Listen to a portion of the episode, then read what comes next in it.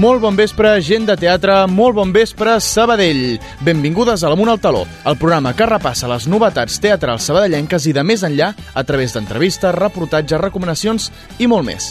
Tornem una setmana més a les vostres orelles a través de la 94.6. L'últim cop que ens vau escoltar us vaig dir que m'esperava que no fos el meu últim programa i imagino que els ha agradat perquè aquí segueixo, juntament amb un fantàstic equip radiofònic que fa possible el programa cada setmana i està format per Laura Lozano a la producció, Júlia Stals, Elvira Frank, Edu Gil, Jaume Pont, Francesc Rocamora, Adrià Garcia, Carlota Gorgori, Marcel Castillejo, Pol Juera, Xavi Quero, Eli Quero, la veu del programa Francesc Cassens, els nostres tècnics Toni González i Roger Benet i qui us parla, Bernat Pareja. Comencem repassant els continguts del programa d'avui. Amunt al taló.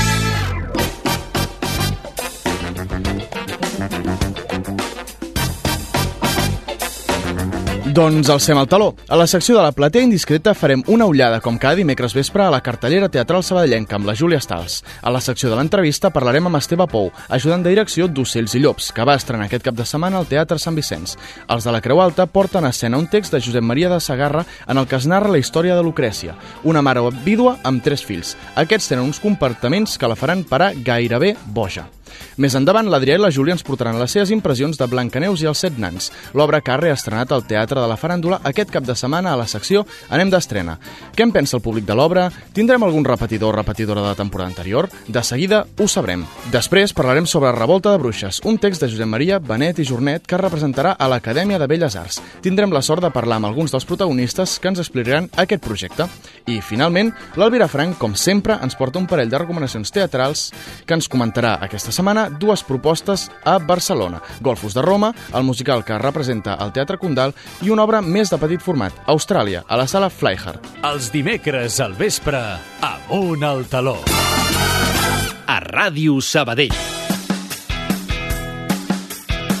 La platea indiscreta.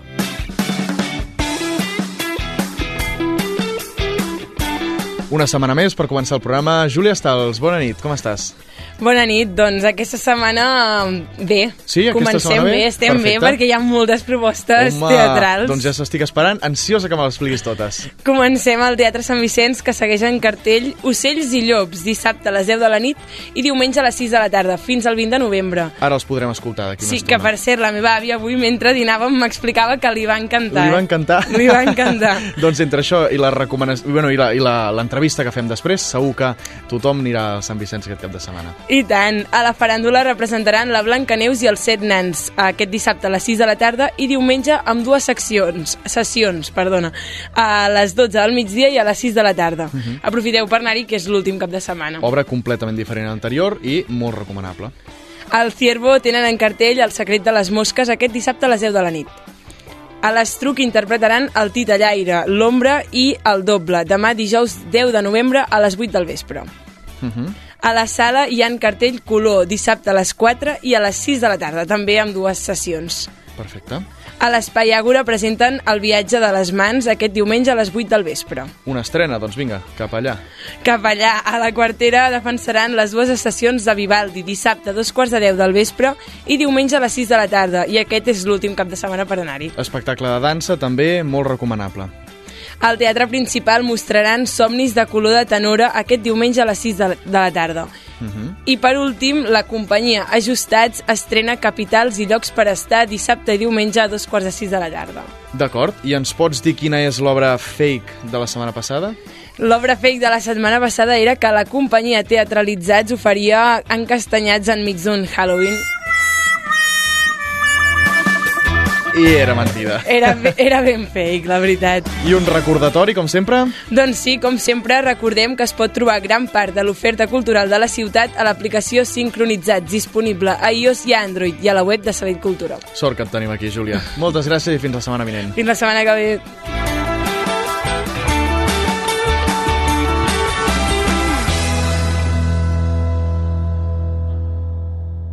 Amunt al taló. El teatre de la ciutat a la ràdio.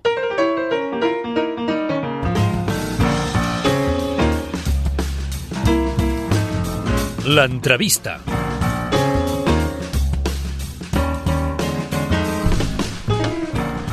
El Teatre Sant Vicenç estrena aquest cap de setmana l'obra Ocells i llops, de Josep Maria de Sagarra. Aquest clàssic ens presenta Lucrècia, una vídua i mare de tres fills. El comportament d'aquests li suposaran uns trasbalsos impossibles de suportar. En parlem amb Esteve Pou, qui acumula una llarga trajectòria dins el teatre amateur de la ciutat i que aquesta vegada el trobem com a ajudant de direcció. Bona nit, Esteve. Hola, bona nit.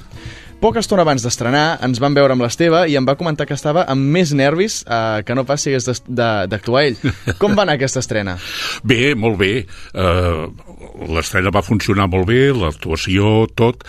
Poc públic, això sí que voldria fer una crida doncs, a que la gent s'animés a, a, a venir al teatre i sobretot doncs, al teatre en català i, i així, doncs, perquè doncs, eh, trobo a faltar força gent. Mm -hmm. Però contents amb, amb la rebuda que va tenir? Sí, sí, sí. No, no, la, la gent... Vaig parlar amb, amb, bastant, amb bastant públic i tal, i la gent va sortir molt contenta i, vull dir, no, no, no es pensaven, es pensaven trobar un drama d'aquests... No, no, no, vull dir, és una obra que va increixendo mm -hmm. i van sortir, van sortir molt contents. Mm -hmm. És una obra que no sé si coneixen o no, però és un text de Sagarra que no és dels més coneguts. Per què veu decidir escollir aquest text?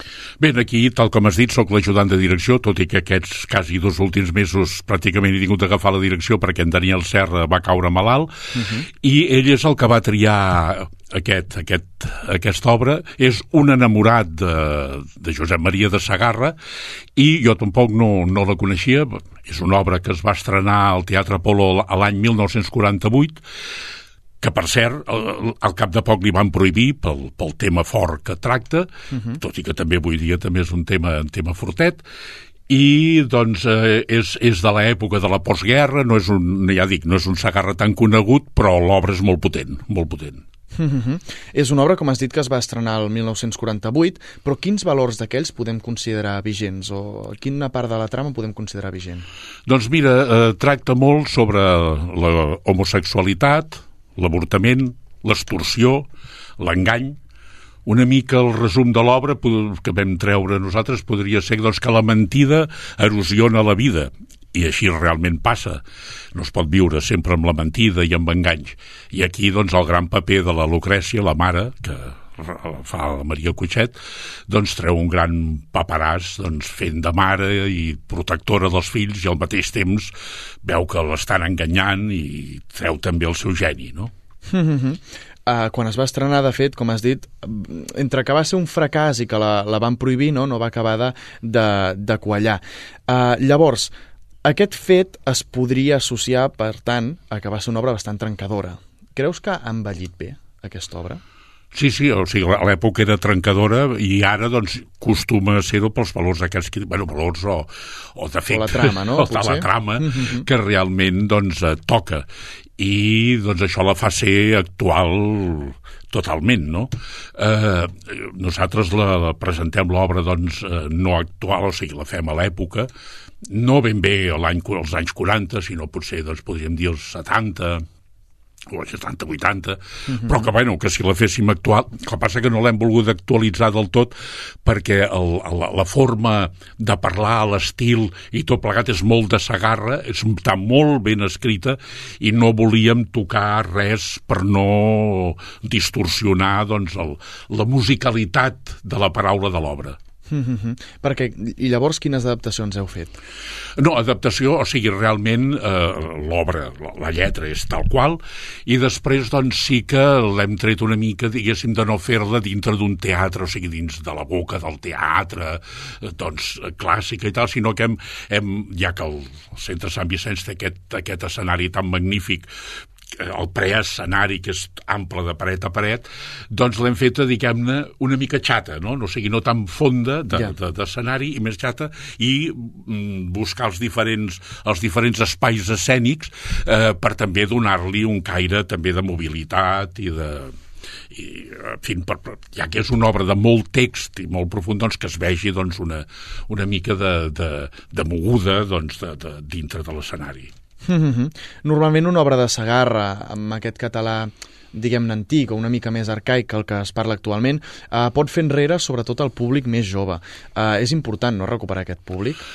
Sí, molt. Uh, no és massa arcaic, eh? perquè dintre de tot, uh, vull dir, està, ja dic, està molt ben escrita, hi ha alguna problema, però vaja, és, és, vull dir, s'entén perfecte, vull dir, és, és, és un, un català clàssic perfecte, eh?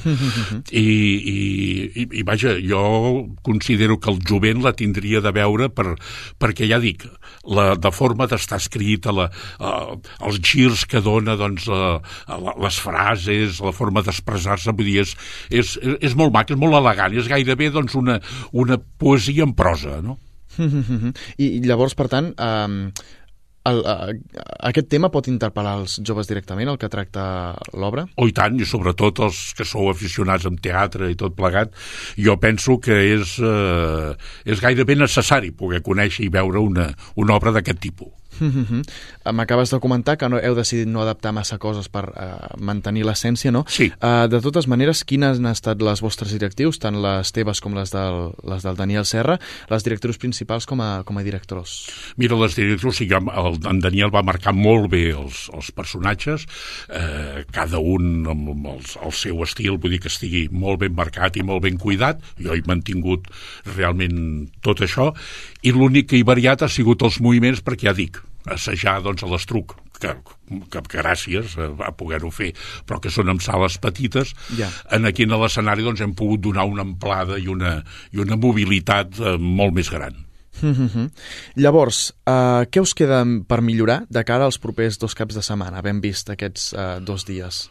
Home, millorar, vull dir, sempre passa que a mesura que es va fent l'obra de teatre l'actor va creixent i va, i va, va, va assimilar molt més bé el paper i es va, es va més deixant anar. Però jo amb la interpretació estic molt content, vull dir, fan, fan, fan una, una interpretació magistral, magnífica, vull dir, em cau la bava, vull dir que re, realment eh, he quedat molt satisfet de la forma d'actuar, i bueno, la quantitat de lletra que hi ha, perquè dura una hora i mitja i tot és text, text, text. text, text. No? uh, què ha estat el més complicat de, del muntatge? No, el muntatge és senzill, el que passa que doncs, per donar-li una miqueta, diguem-ne, de, de, de brillo, mm -hmm. doncs hem, hem, ja dic, el moviment aquest de l'escenari, després doncs poder jugar una mica amb els, amb els llums i música, doncs, amb algunes escenes i, i d'allò doncs, potents i, i unes potents i altres delicades, doncs poder-les eh, subratllar amb, amb una música doncs, que jo ja vaig triar, doncs, en fi, que em va semblar adequada i veig que queda, bueno, sota el meu, bueno, la gent també també li agrada, uh -huh. doncs eh, això, mu musicalitzar una miqueta doncs, aquestes, aquestes, aquests, aquestes frases i, i, i també amb la llum, ajudada de la llum. Uh -huh. No és el primer Sagarra que es fa al Teatre Sant Vicenç, de fet fa 3 o 4 anys, si no m'equivoco, us va fer el Cafè de la Marina, sí. al qual tu hi participaves sí, com a actor. Sí, jo, sí. I allò és un Sagarra més clàssic, no? Més el que entenem com a Sagarra. Sí. Quines, quines diferències has trobat en els dos muntatges? Ui, sí, sí, sí, és una diferència molt gran perquè doncs el Cafè de la Marina sortia molta gent, era, era una, una una, diguem-ne, una poesia no en rima, sinó mètrica, vull dir, era, era una, una sí, o sigui, la musicalitat també de la, de la paraula també era molt maca, amb molta més gent, un, un tema també potent i tal, eh, més variat, eh, aquesta doncs, es concentra doncs, en vuit actors, en allà en sortíem 30, em sembla, mm -hmm. i, i vull dir, és, és, és diferent, no? Vull dir, eh, aquesta, de, eh, aquesta potser és més dramàtica, per dir-ho d'alguna forma, i l'altra, doncs, tenia, compaginava molt bé el drama amb, amb, amb la comedieta d'alguns moments doncs, que anava trencant doncs, tota la, anava trencant doncs, el, la serietat de l'obra, no? per dir d'alguna forma. Vull dir que era, era aquella, el Cafè de la Marina, molt completa, molt, molt... I aquesta, doncs ja dic, amb, tocant aquests tres o quatre temes que t'he dit, vull dir, ostres, és, eh, és, eh, comença, diguéssim, que et va situant i després, ja dic, al, al final és, és potentíssim. Vull dir, molt, mm -hmm. Ens pots avançar alguna cosa de la trama o millor que la gent la vingui a veure? Millor que la gent la vingui a veure. Jo ja ben dit això de que l'extorsió, eh, l'homosexualitat, l'avortament, bueno, està, doncs, mm -hmm. ves sumant, no? I, no, no. i, i l'engany, no? L'engany amb els fills, la mare, i, i la mare que sembla que sigui bleda però que realment els porta ben posats, vull dir, fa un treball fantàstic. Sí, sí, sí, perquè en algun moment es pot tenir la sensació que tants temes en una hora i mitja potser l'espectador acaba eh, no, no, saturat? Es, es, tra es tracten molt, molt suaument, molt ben escrit, molt, molt sutilment, uh mhm. -huh. i la gent inclús eh, diu, ostres, és que, eh, vull dir, eh, sense dir-ho, es nota tot. D'acord. Eh? Mm -hmm. I, I aquí està la gràcia. Mm -hmm. Ja per últim, eh, com animaries a la gent a, a venir? Home, jo la gent... Eh, sí, sí, no, home, una obra d'aquest tipus s'agarra potent i, i molt, tan ben, i, molt ben interpretada, vull dir, cada vegada que surten em cau la bava, vull dir, és, és una obra que es té de, es té de venir a veure ja. M'has comentat que volies, volies fer un recordatori a totes les persones que han participat sí. en, en el projecte? Sí, mira, la, bueno, tal com has dit, en Daniel Serra era el director que s'ha posat malalt i jo sóc Esteve Pou, i mm -hmm. després el gran treball de, de la mare, Maria Cutxet, de les, la, la filla, que és l'Helena, la Carme Torres, la, el fill, el, que és l'Albert, el David Benedito, uh -huh. l'Octàvia Nosca Rodríguez, la, la jove, la nora, la, la Carlota Gorgori, el metge, que és el doctor, que és la consciència ben bé de, de, de, de, de l'obra, que és Antoni Molner, eh, un individu fosc que surt és en Ramon Renyer, i la Matilde, que és la criada, que és la Lídia Orovich la regidora l'Amàlia Lorente i realment doncs, el tècnic encarregat de l'espectacle tècnic, l'Albert Uller. Mm -hmm. Doncs Carlota Gorgori, que l'hem escoltat ara, que és una de les presentadores sí. també del, del programa, sí, sí. Uh, la podeu veure, uh, doncs això, a ella i a tots els seus companys al Teatre Sant Vicenç, aquest cap de setmana vinent i el següent. Uh, la Júlia uh, ens, ens ha explicat exactament a quines hores a quines hores es feien. Esteve, moltíssimes gràcies per, per venir i molta merda en els, propi, en els propers dos caps de setmana. Moltes gràcies i moltes gràcies a vosaltres, Ràdio Sabadell, per donar-nos aquesta veu. Amunt un al taló amb els teatres de l'Està.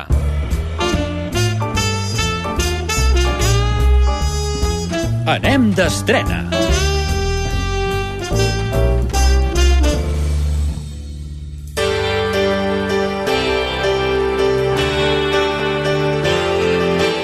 Bon vespre, avui estem d'estrena a la faràndula que estrenen la Blancaneus. Sí, però Julián, no és una blanca neus normal, eh? Anem, anem cap al vestíbul a entrevistar gent. Va, que jo vull saber opinions. Anem, anem. Estem nerviosos.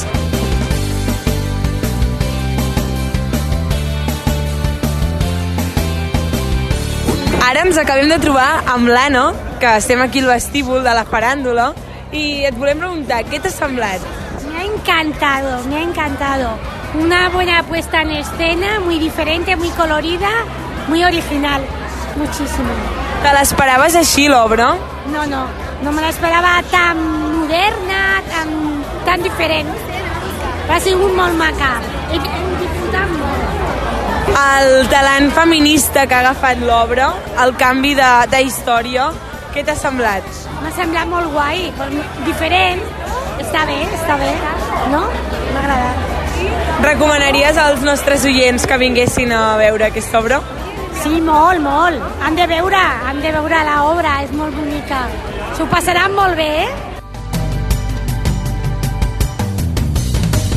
La ratolina va amb l'ocell i amb l'esquirol. Tenim aquí a un grup de jovent, el mateix vaig dir la, quan vam anar a l'estrena d'Histopies, però jo no m'espero trobar jovent encara als teatres, llavors, um, què tal? Què, què us ha semblat l'obra Blancaneus? Què, què us ha semblat per ser una història que aparentment pot ser normal. Us ha sorprès, no? Què, què, què en opineu? A mi sí que m'ha sorprès. A mi també. Perquè pensava que seria el típic conte de la Blanca Neus i he vist que no, que no hi havia el típic conte de la Blanca Neus. Del príncep, la princesa, que hi havia més normalitat. Que ja, ja va ser hora, la veritat. Ja va, ja va ser hora, per tant, reclames, reclameu, eh, noies, al teatre que, que diguem-ne que, que s'obri de mires i pugui arribar doncs, a una versió més que modernitzi les històries i els contes de Disney, sí? Sí, sí, sí. Que no sigui tot tan clàssic, la veritat. Nosaltres feia molt de temps que no veníem a un teatre i hem, bueno, havíem propost avui de venir i sincerament ens ha agradat molt i no dubtem en tornar a venir a veure una altra obra de teatre. Creieu que és una bona proposta per, per als joves? perquè perquè jo crec que està molt idealitzat el que és només el cinema i al teatre no se li dona la importància que realment té i personalment a mi m'agrada moltíssim el teatre i sobretot que combina el teatre el que és parlant amb el teatre musical i sincerament ens ha agradat molt. Llavors, opinaríeu que el teatre musical és infantil? O sigui, quan us presenteu en un escenari i veieu que hi ha sis persones cantant i ballant, diríeu que és una cosa per nens de 6-7 anys o que eh, la vostra edat, encara que esteu entre els 18 i 21 per posar en context de l'audiència, eh, és correcte anar a veure musicals? Encara que sigui un conte infantil, és igual. Nosaltres també hem tingut infància, nosaltres també hem, vist, hem viscut aquests contes i penso que, que no ha de tenir ninguna edat, penso que està adequat per qualsevol edat, com si venen els meus avis també estaria correcte. Va, un tret que destacaríeu de l'obra així més enllà d'aquest nou context modern, un tret allò, el príncep guapo, el que, que, què destacaríeu per, per enganxar la gent que encara no l'ha vista? Els nans. Els nans. Ens han agradat molt, ha sigut molt divertit i ho han fet d'una manera molt... que ha arribat al públic, penso que no només a nosaltres, sinó a tothom i evidentment la Blancaneus que ha fet un paper molt important i també cal destacar-lo. Doncs res, noies, moltes gràcies, que acabeu de disfrutar la tarda. 1, 2, 3, 4, 5, 6, 7 Aigua, aigua, som els segles del bosc Aigua, Doncs, Pol, podem anar comprovant que al teatre cada vegada hi ha més joves. Ens hem trobat que aquest és el segon anem d'estrena que gravem els dos junts i augmenta. No, no, t'ho dic en sèrio. Això, això encara ens augmenta les esperances de que el teatre durarà, perquè hi ha moments on et juro, Júlia, que penso que a vegades això, això no rutlla. Però sort que Sabadell és una ciutat de cultura i, i, i, i encara tenim gent joves que, que els interessi aquest món teatral. Tu, nena, mira, mira, mira aquest, el podem entrevistar. Som-hi, som-hi, som-hi! Anem a donar-li Sí, senyor, la teva vista no t'enganya, no saps comptar. Tens un valent, un rondinaire i un que és nerviós. Un més feliç que un torna bici, què més vol? Guaita el savi com sap de tot, que només parla quan li toca, sobre mai no s'equivoca. Què, què, què, què, què, què, què, què diu el mut? Que presentem molt despistat? Com, com et dius? Jan. Jan. Jan, escolta'm una cosa. Què t'ha semblat, l'obra? Bé. Bé? Bé? Què, què és el que més t'ha agradat? Quan la bruixa feia l'experiment. I no t'ha fet por la bruixa fent l'experiment? No. No? Doncs jo t'he de dir que m'he espantat amb el petardo. Jo també, jo una mica també. Una mica. I què, què, què, què? T'ha agradat que... Tu t'esperaves aquesta història així com te l'han explicada o te l'esperaves diferent? Me l'esperava així perquè l'any passat ja la vaig venir a veure. Vas venir a veure-la i has tornat? Sí, Per què hi has tornat? Perquè em va agradar molt. Et va agradar molt. I els hi diràs als teus amics de la classe que vinguin a veure-la? Sí. Sí? Uala, i una pregunta, tu havies llegit mai el llibre abans de venir a veure l'obra de Blancaneus? O t'havien explicat mai la història? Sí. Te l'havien explicat així? No, diferent. Diferent. I t'ha agradat aquesta història diferent? Jan, una última pregunta. Ara quan et, et donguin una poma, te la miraràs igual o pensaràs, està enverinada? Aga L'agafaré i si trobo una bessura la tiraré. No, home, no, que estan molt bones les pomes, no hem de patir. Sí, i si, però i si està envenenada? Bueno, sempre li pots donar al pare que la provi i si no li passa res llavors te l'acabes tu. Gràcies, Jan.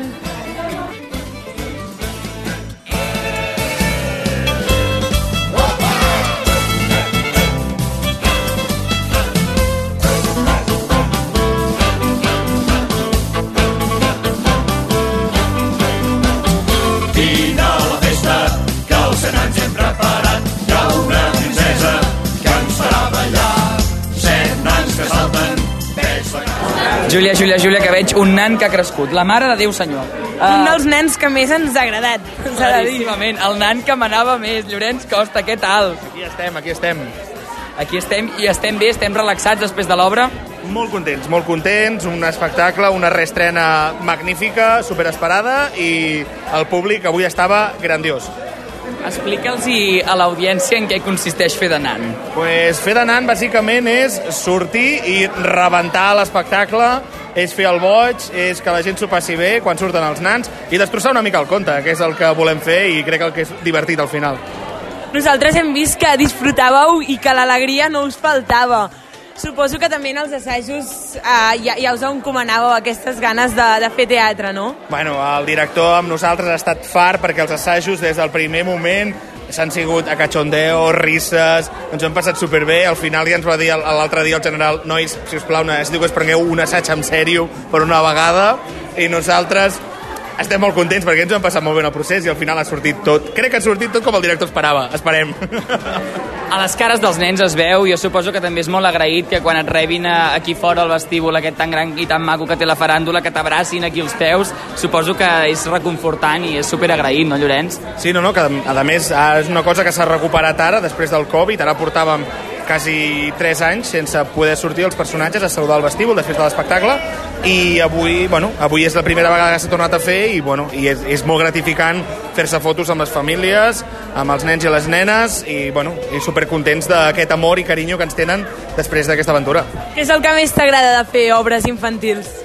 Bueno, és això, el públic és superagraït, riuen, aplaudeixen, s'ho passen bé, eh, cantar, ballar... Bueno, el musical infantil és superagraït, és un bombonet sempre fer-ho. I què recomanaries, eh, a l'audiència recomanaries que vinguin?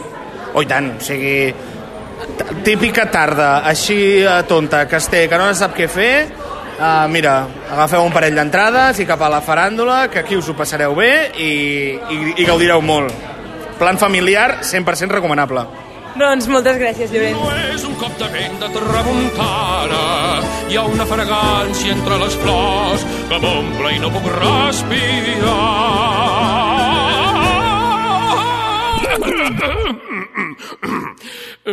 Perdó, qui ets tu, nena? Pol, jo t'haig de confessar una cosa, perquè a mi els balls m'han fascinat, perquè eren moviments extrems, però a la vegada petits, i m'han transmès molt. Jo crec que hauríem d'anar a parlar amb la coreògrafa d'aquest espectacle, a veure si ens pot treure alguna exclusiva, no? Jo vull l'exclusiva, jo vull l'exclusiva, jo vull l'exclusiva, anem-hi. Som-hi, som-hi!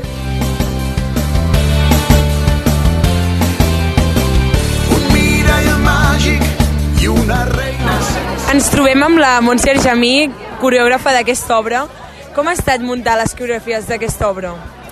Doncs ha estat una feina molt divertida, um, molt gratificant, hem disfrutat molt. És una obra que ja la vam fer fa uns quants anys, llavors ara hem repetit.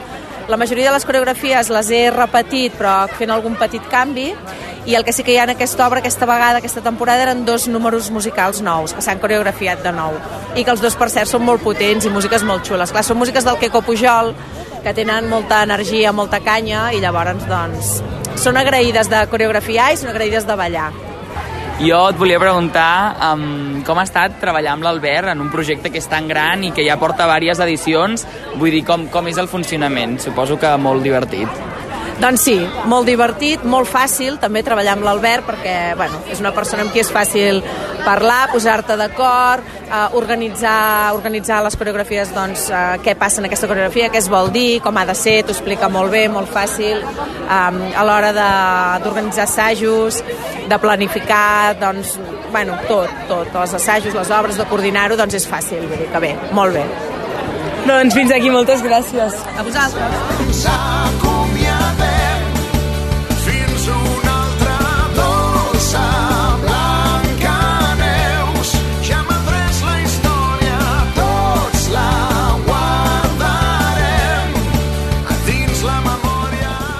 D'una gran tarda aquí a la faràndula disfrutant d'un teatre infantil i a la vegada hem pogut veure doncs, uh, un teatre també juvenil i, i, vaja, un teatre per totes les edats, vull dir, qualsevol està benvingut a, a veure Blancaneus, que malgrat pugui semblar una obra tradicional, uh, de la típica princesa que es menja la poma i cau rodona fins que apareix el, el príncep blau que la salva de les, de les mans de la bruixa, um, no hem vist aquesta història, malgrat segueixi mantenint aquesta essència que ens fa venir a veure Blancaneus quan veiem aquest títol. Per tant, um, Júlia, emplacem a tota l'audiència la, que vingui a veure Blancaneus, que ha estat una experiència única. I tant, i heu d'anar ja.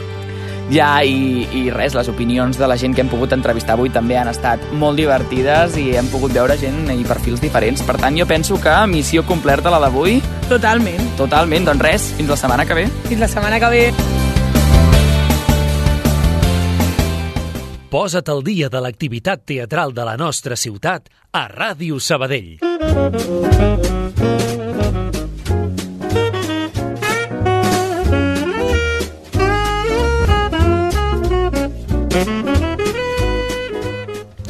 A l'Acadèmia de Belles Arts tornen a representar Revolta de Bruixes, l'obra de Benèdit Jornet amb una vigència excel·lent. Revolta de Bruixes parla d'un dia de feina de les dones de neteja d'un local. Les dones, insatisfetes amb el seu cap i sobretot amb el vigilant supervisor, volen reivindicar un augment de sou o que els siguin pagades les hores que treballen de més sense cobrar. Però no, però no totes hi estan d'acord i cada una, amb les seves circumstàncies personals, lluita pel que considera que és just. I aquí comença el conflicte. En parlem amb el seu director, Enric Company, any. Enric, nervis per la reestrena? Mm, no, no, que va, que va, gens. Molt, molta il·lusió. Molta il·lusió.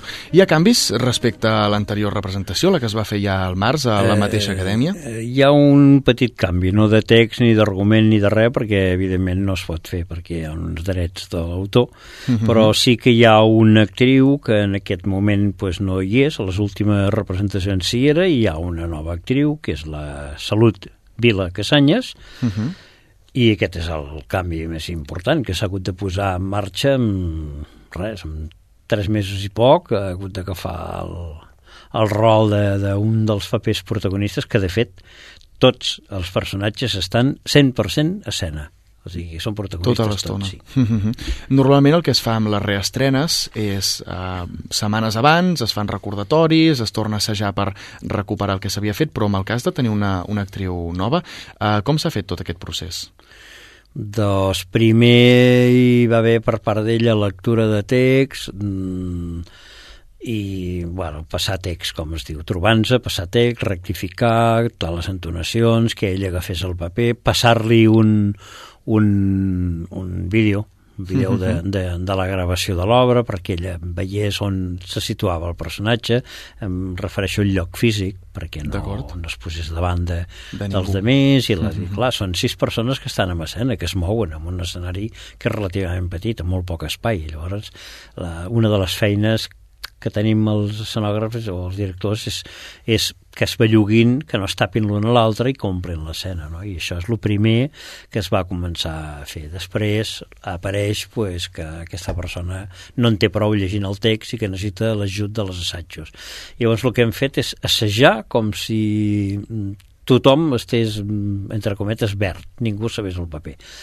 I amb això sí que m'agradaria molt comentar de que les companyes i el company, que surt un, un home i la resta de companyes, des del primer dia van dir que elles estaven disposades a ajudar a la, a la, a la incorporació, a la salut, i que vindrien tots els assajos, i que farien com si fos un, un assaig general cada cop.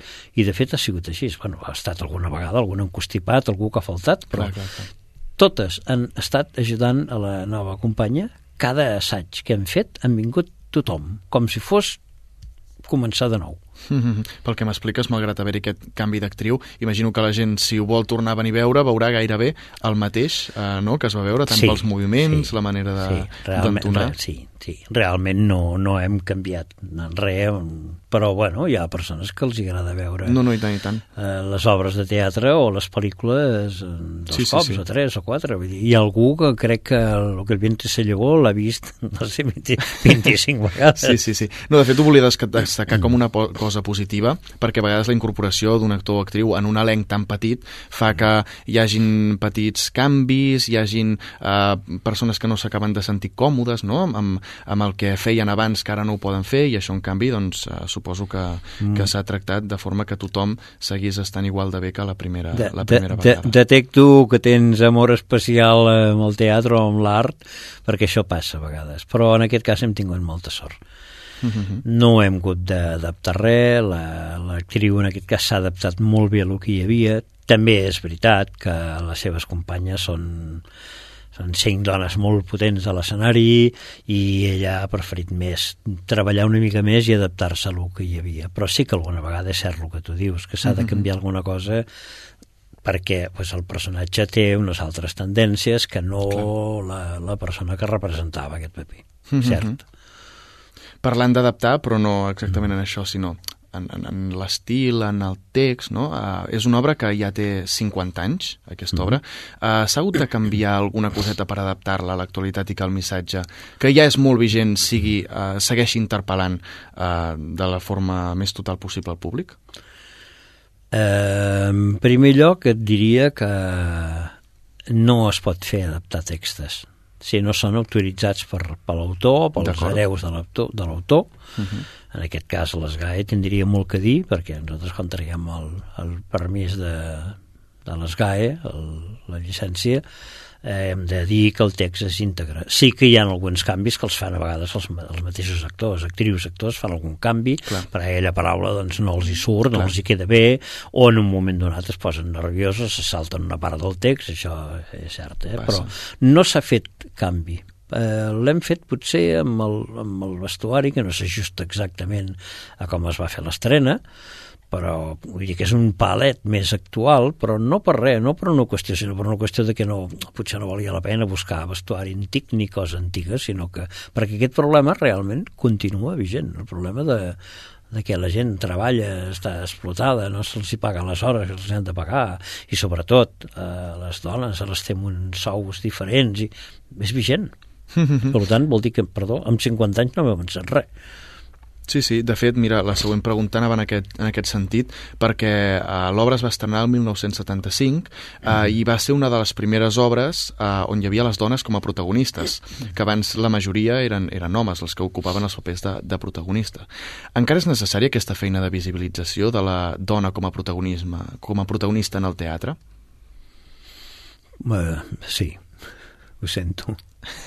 No hem avançat, És que doncs, en, en És que no aquests sé anys. què dir-te, és que et diria que quan, per exemple, pues, no sé, quan es fa una cosa doncs 5-6 dones, doncs hem, hem de dir-li, i a vegades utilitzem, i em sap molt de greu, doncs són 6 dones que estan damunt de l'escenari, doncs la gent doncs, hi va per defensar aquesta lluita, aquesta... És que no hauria de ser això, hauríem de dir també, hi ha 6 homes damunt l'escenari, hi ha 6 dones, no s'hauria de dir. Mhm. Però sí, continuem encara eh, cada cop que, que tenim un triomf d'aquests celebrant-ho i això no hauria de ser així vull dir, hòstia, és que Hauria de ser una cosa més normalitzada. sigui, se lluita tant amb això fa tant de temps que lluita i és que no, no avancem absolutament res Mhm. molt poc Uh, pel que fa a l'obra en si, uh, què ens pots avançar de la trama? Quins moments destacaries? Jo crec que tu has explicat molt bé com és l'obra. Els moments... mm, Bé, mm, hi ha moments de dubte perquè hi han dues persones que volen liderar aquesta revolta i llavors la resta de, de les demés persones tenen dubtes i està bé perquè eh, això causa una mica de sensació al públic de que, de que una part i l'altra poden tenir raó en un moment donat. Em refereixo a una part i l'altra de les dones que estan intentant liderar el grup, no? I, I al final et dones compte que és més una qüestió que el problema hi és, que elles estan defensant el seu, el seu sou i el que han de cobrar, però, però que les persones que les lideren estan eh, pensant més en el seu propi triomf que no pas amb el que aconseguiran. Mm -hmm. Clar, imagino que tot això es pot detectar, el fet de ser uh, una obra molt pròxima, perquè al final uh, no són massa els espectadors que, que hi caben a la sala, l'escenari és, és petit. Uh, imagino que el fet de que sigui molt pròxim és un avantatge en aquesta obra. Sí, però el teatre des de fa molt temps se'n fa amb, eh, amb sales molt petites. Vull dir que el teatre ja és... I si no, el públic no està proper, el lector o l'actriu ha de cridar més. Ja. I que... Bueno, i això de que em dius que és petita la sala, aquesta sala hi caben 800 persones dividides per 10. Ja. Tampoc és tan petita. No, no, tan petita no, però sí que comparat amb, amb d'altres sales, no? Uh, tothom pot tenir que, en aquest teatre la, la, la sensació d'estar pròxim i de, i de mir, poder mirar els ulls, no? Les actrius que, del que expliquen. Amb quin missatge creus que ha de marxar la gent cap a casa? Uh, no sé com dir-t'ho. I és que en Josep Maria Benet i Jornet mm, dona molts missatges en tots els seus treballs. Molts. Jo d'aquí m'emportaria de que és fonamental la, la, la unió, un, un equip de persones una unió d'un grup de gent que lluiten per alguna cosa i que passi el que passi, bufi per bon bufi el vent, eh, si si estan juntes són més fortes les persones. Mhm. Val? Llavors aquest és un dels missatges. La resta és bueno, pues és el que passa quotidianament, vull dir, el que, el, el que passa, l'abús, el poder, la por, que em despediran, que ens faran fora, però el resultat és que aquestes persones, com he dit, estan juntes i tot i així que al final hi ha una mica de, de davallada, doncs elles continuen juntes. Mm -hmm. És una obra aquesta que s'ha representat uh, bastantes vegades en diferents uh, teatres. Quin toc personal li has volgut donar tu com a director? Mm, jo sóc molt director d'actrius i actors i el que he fet és treballar molt. Pensa que nosaltres som una companyia de teatre amateur. Mm -hmm. Llavors, la gent que, mm, que està... No, no, nosaltres no tenim escola de teatre. Si alguna vegada alguna persona ve a fer teatre a l'escola de teatre es vol apuntar, nosaltres li diem que s'apunti al grup i tindrà un paper més menys important o, o més, de més responsabilitat segons el que sàpiga fer i a mica en mica anirà aprenent més. Vull dir, la idea, la idea és treballar molt a les actrius i als actors perquè perquè se sentin, evidentment, còmodes ells, però que el públic no tingui la sensació de què estan interpretant. Mm -hmm. Aquesta, aquest ha sigut el... És sempre la meva manera de treballar, i sobretot que els actors, actrius, es moguin bé per, per l'escenari. La resta, si el missatge es porta bé, com més o menys vol l'autor, ho dono per bo. Mm -hmm. Perquè, i, i això que em comentaves, és el més complicat uh, d'aquest mm. muntatge? És el que ha costat més d'aconseguir? De tots els muntatges, crec que és el més complicat. Sempre és el, el sí. més complicat, la naturalitat. Sí, sobretot quan, i sobretot quan, clar, estem molt acostumats a veure televisió, estem molt mm -hmm. acostumats a veure noies i nois molt joves que fan papers que els fan molt naturals, però que la televisió és molt diferent, ja. perquè fa un moment tu em comentaves de les cares o les mirades i això, i clar, això en teatre, encara que estiguem molt a prop, no es detecta, és molt difícil, perquè un, una escola et pot ensenyar a moure els ulls, però no són els ulls només que has de moure, sinó tota la, la, tot el, tota la teva mirada ha d'anar d'acord amb això. Mm -hmm. Poso un exemple, eh? a vegades eh, la, donem papers a persones que no tenen l'edat de la que representa l'actor, l'actriu, el personatge, no? I amb una persona de, de 20 anys li donem un paper doncs, d'una persona de 70 i fa molt bé la veu eh, eh, eh, sí, però no es mou com aquesta persona d'aquesta ja. edat això jo crec que ho van aconseguir el tricicle quan van fer al revés, no? que feien eh, un, un espectacle amb nens petits però sí. clar, la quantitat d'hores que van passar mirant els nens en bolquers com caminaven dins d'un parc de nens. Això és molt, això és molt complicat. Sí, sí, sí, sí, sí, Però estem acostumats a veure la televisió amb personatges que són molt reals i realment aquells nois, aquelles noies no fan del paper, fan d'ells mateixos. Però ja. en teatre és molt diferent. Teatre, tens una distància, has de eh, amb aquesta mirada no en tens prou perquè no arriba al públic. Necessites el cos sencer. Ha d'anar acompanyada d'una cosa que, que és, mm, doncs, eh, com et diria, per exemple, la veu. La veu s'ha de projectar. No, no en tens prou parlant has de projectar. Sí, I has de tenir sí, sí, en compte si estàs d'esquena, si tens cortines al costat, sí, totes aquestes coses. Va, són tècniques i això, doncs, bueno, ho treballem i, i al final doncs, l'èxit aviam, és més o menys, però, però jo crec que el públic se'n va molt satisfet. Mm -hmm. I ja per acabar, eh, què diries per convèncer la gent que vingués a veure els dies que, que, que seran les representacions? Tia. Com acabaries de convèncer el públic després d'aquesta estona? No, molt dolent jo, molts convenciments. bueno, primer de tot... Ara toca el màrqueting. no, primer de tot que vagin al teatre, el que sigui el que sigui. Avui a Sabadell tenim una oferta de teatral molt bona, hi ha moltes companyies amateurs, alguna professional, hi ha una oferta fantàstica i crec que el públic en aquest moment té un problema, decidir on va. Ja. Perquè de veritat que jo veig jo, és fantàstic, jo estic molt content de, sí, de, la, sí, sí, de la sí, meva sí. ciutat. Però, clar, vindre a veure aquesta... Bueno, pues, bé, veuran, doncs, eh, sis dones molt potents, torno a dir, dalt d'un escenari, amb una obra de Manet i Jornet, que és una garantia, I, i que estem a un bon, a un bon nivell. El preu està molt bé, uh mhm. -huh. és molt raonable, estaran còmodament assegudes, i res més, que si no els agrada els hi tornem els diners.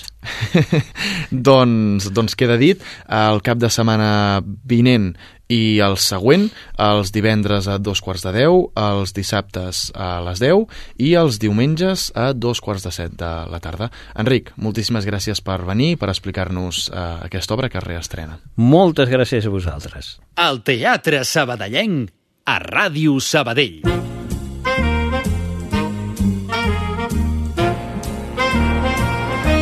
Teatre de Franc.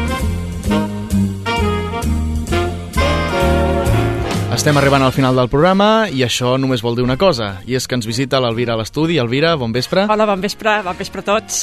Aquesta setmana ens portes dues propostes. Sí. Ens portes a Golfos de Roma i ens portes a Austràlia. Exactament. Dues Per- ofertes interessants, molt diferents. Molt diferents, no? Una és un gran format i Sí. l'altra és més uh, una obra més aviat petitona. Exacte, Molt d'una sala, doncs Mhm. petita. Sala Flyhard, Sí. molt bones propostes, però això, un format Això petitó, mateix, molt poca diferents. gent. Un musical, l'altre més text. Comencem per Golfos de Roma. Som-hi. El Teatre Condal. Exacte, el Teatre Condal, de, sabem que és de Stephen Hossman. Uh, en Pol en parlava no fa gaire de, en el programa de, del que ha passat a, amb Golfos de Roma. En principi, les representacions d'aquest musical en català no va omplir el teatre. I una de les actrius, la sabadellenca Mercè Martínez, va fer un comunicat a les xarxes posant sobre la taula aquesta evidència i subratllant que com era possible que un musical de gran qualitat, perquè és de veritat que és un musical de gran qualitat, com aquest, i que fet tot en català no pogués omplir ni complir els dies de representació que ja tenien compromesos, i menys prorrogar, que és el que ells volien prorrogar, no? Però les piulades van tenir gran repercussió i per sort nostra, que ho podrem gaudir, la companyia ha pogut prorrogar les actuacions fins després de Nadal, fins pel gener. Que bé. Molt, sí. Golfos de Roma és una obra de les que han tingut més èxit dels països anglosaxons i que demostra que en els musicals no cal que siguin només trames amoroses, no correspostes, amors no correspostos, ni amb arguments massa sentits, per tenir unes boniques músiques. En aquest cas, la música és preciosa i enganxadissa, i les situacions són extremadament esbojarrades i hilirants però conserven i tenen una grandíssima, com he dit, qualitat, tant musical com actoral. Un musical de gran format que es va estrenar a Broadway ara fa 60 anys i que no ha envellit. Al contrari, s'ha mantingut per la divertida que és, és, és molt amena, eh? Un tema que és senzill, però això no desmereix la gran complicació escènica ni l'exigència dels músics i els actors cantants. Daniel Anglès l'ha dirigit, n'ha fet l'adaptació i l'ha traduït al nostre idioma. Ell mateix va dirigir la versió en castellà que es va representar a Madrid no fa gaire. Roger Julià, el conegut clown de la companyia ROM, ha col·laborat en aquesta tasca d'adaptació. Gran feina que cal ressaltar per no limitar-se a posar als nostres terres el que ja teníem muntat en castellà, que moltes vegades es fan musicals Sí. en castellà I per es no, porten tal qual. Exacte, per no traduir-ho. Uh, un fet que els ha obligat a buscar nous mm, intèrprets de casa nostra, perquè allà ho feien, hi havia alguns catalans, però també hi havia gent eh, d'Espanya que no sabien el català, llavors han hagut de buscar gent d'aquí. Per exemple, la sabadellenca Núria Llunell s'ha encarregat del, magnífic vestuari. Sergi Cuenca ha fet les arranja- arranjaments musicals. Òscar Reyes, les coreografies. I Xavier Mestres s'encarrega de la direcció musical. Un plaer per mi veure aquest actor, músic i compositor, Xavier Mestres, que l'he anat seguint des dels seus inicis, que va començar de Goll de Gom. Eh? Mm, I, I per mi cada vegada que el veig penso quants anys que està eh, eh, treballant i que bé que ho fa. Clar. Eh? El protagonista és el Jordi Bosch, un actor que sempre he considerat més còmic que no pas dramàtic, i en aquesta ocasió demostra amb solidesa aquesta faceta. Potser no tant la faceta musical, eh, que per el meu no acaba d'assolir. Però tampoc fa falta que el protagonista canti molt bé, eh, amb aquest musical. Podia cantar més bé per això. Eh, Quan a la resta del repartiment, tots estan molt encertats en els seus respectius papers. És de subratllar que tots, a part d'actuar i cantar, també formen part de la meravellosa orquestra. O sigui, són els músics que a més a més canten i que a més a més interpreten. D'acord.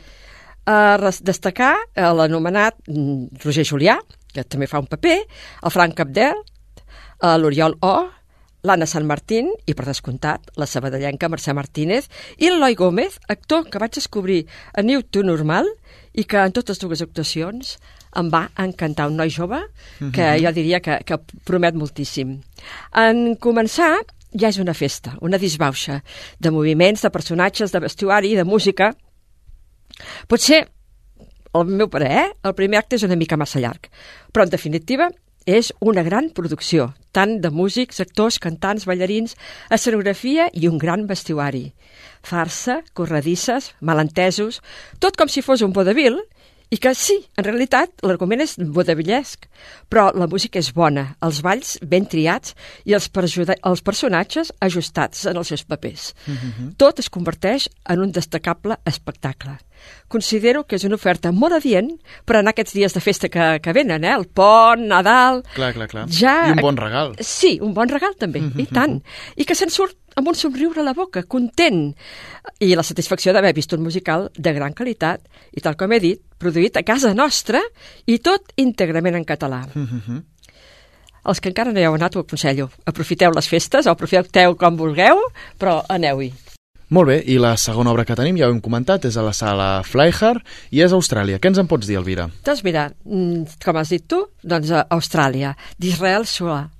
L'Israel Solà està vinculat amb el grup La Calòrica, és el dramaturg i director. Molt bo, Però molt bo, ja sabem que la. Calòrica, no?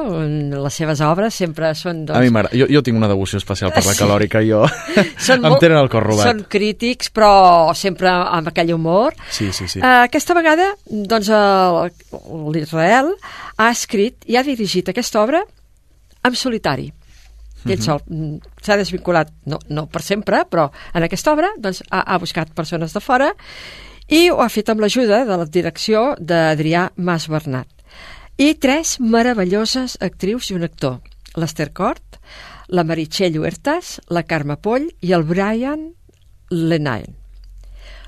Una obra que en principi detalla situacions còmiques i ocorrents. Jo anava pensant això, que veuria una obra a l'estil calòrica, Sí, sí, no? sí. I realment comença així, amb aquests acudits típics de, de l'Israel Solà, que, que és el que coneixem d'ell fins ara. Mhm. Però, de mica en mica, l'argument es va tornant entranyable i seriós, detallant circumstàncies i escenes de la relació entre germanes que ens interpel·len. A, a mi em va arribar moltíssim. Eh? Mhm. El tema no és gaire quotidià, eh? La Laia, que ho representa la Carme Poll, és una noia que viu a Austràlia, però que té tota la família aquí a Catalunya. I vol tenir un fill amb l'Andy, que és el Brian Lenal. És un australià que no parla gens català. Però no es queden embarassats. No hi ha manera que es quedin embarassats. Mhm. És per això que telefona a la seva germana i li demana, a la germana petita, que és l'Ester Cort, si la voldria donar un òvul per fecundar. Això implica viatjar des de Catalunya a l'altra banda del món i sometre's a un tractament hormonal per realitzar la donació. Aquesta no s'ho pensa ni un moment i li respon que sí, de seguida. Uh, L'Helena, en realitat, és la que explica la història. En el viatge l'acompanya la seva germana gran, la Mercè, que ho representa la Meritxell Huertas, una noia separada amb un fill. Fan unes actuacions totes tres plenes de girs emocionals que captiven des del primer minut, aportant uns personatges creïbles i profundament humans, que afegeix, la, afegit amb la proximitat de, de l'espai, perquè la Freiheit és molt petita, no hi caben Sembla ni que cura- són 40 o 50, no? Sí, com a no màxim. arriben a 40 persones, eh? Clar, tens, a més a més, és a dues bandes, Mhm. tens el, les actrius i l'actor allà mateix, això fa que se, se senti, ens sentim completament integrats, integrats a la història. Un text que barreja escenes senzilles i quotidianes amb altres originals, moments Mhm. còmics i una mica caricaturescos en converses sentides i, senti i sentimentals. L'estimació i el ressentiment, el sentiment de culpa, els vincles familiars entre germanes, l'opció o no de la maternitat, que és Clar. triable, es pot triar, no? Un tema que l'autor ha escrit després de saber l'experiència real d'una seva amiga. En aquest Austràlia, en aquest continent situat a l'hemisferi sur, ens pot quedar molt lluny a nosaltres, però la funció conté un text molt ben elaborat, molt senzill, que és complex, però que en molts casos ens és molt proper, amb una escenificació natural, unes interpretacions molt, molt, molt, molt naturals, Mm -hmm. que sembla que siguin les teves germanes, eh? Mm -hmm. I que ens hi sentim identificades. Clar. Un goig. Un goig poder gaudir d'espectacles com aquest, que es mereix un gran èxit i que segur, segur que el tindrà. A la Freiheit moltes vegades han estrenat obres allà, amb aquell local tan petit, i Mhm. després han saltat a... Han anat rodant per- Sí, no, han, han fet bolos, però a més a més han saltat a grans teatres. D'acord. Eh? Com per exemple Ovelles. Ovelles Es va estrenar a la Freiheit? Es va estrenar a la Freiheit. No ho sabia. Sí. Molt Moltes bé. obres d'aquestes que llavors han tingut gran volada s'han estrenat a la Freiheit. Mm -hmm. Uh, la podeu veure fins al 19 de desembre. Jo us aconsello, no us, us aconsello que no us la perdeu. Doncs un- més d'un mes per veure-la, és a dir, que encara tingueu temps, Teniu però temps. no us entretingueu, que la Això. setmana vinent tindrem més propostes. Exacte, i tant que sí. Doncs Elvira, ens retrobem la setmana vinent. Això mateix. Adéu-siau. Amunt al taló amb els teatres de l'Estar.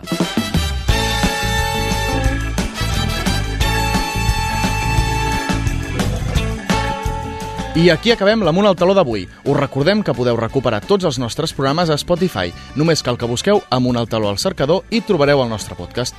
Rescateu també aquest programa i tots els altres a la carta, al web de Ràdio Sabadell. Seguiu-nos a les xarxes, a Instagram, arroba amuntaltaló.està i també a Facebook. Tornem ben aviat amb més gent teatrera i parlant de les novetats dels escenaris locals. Bona nit!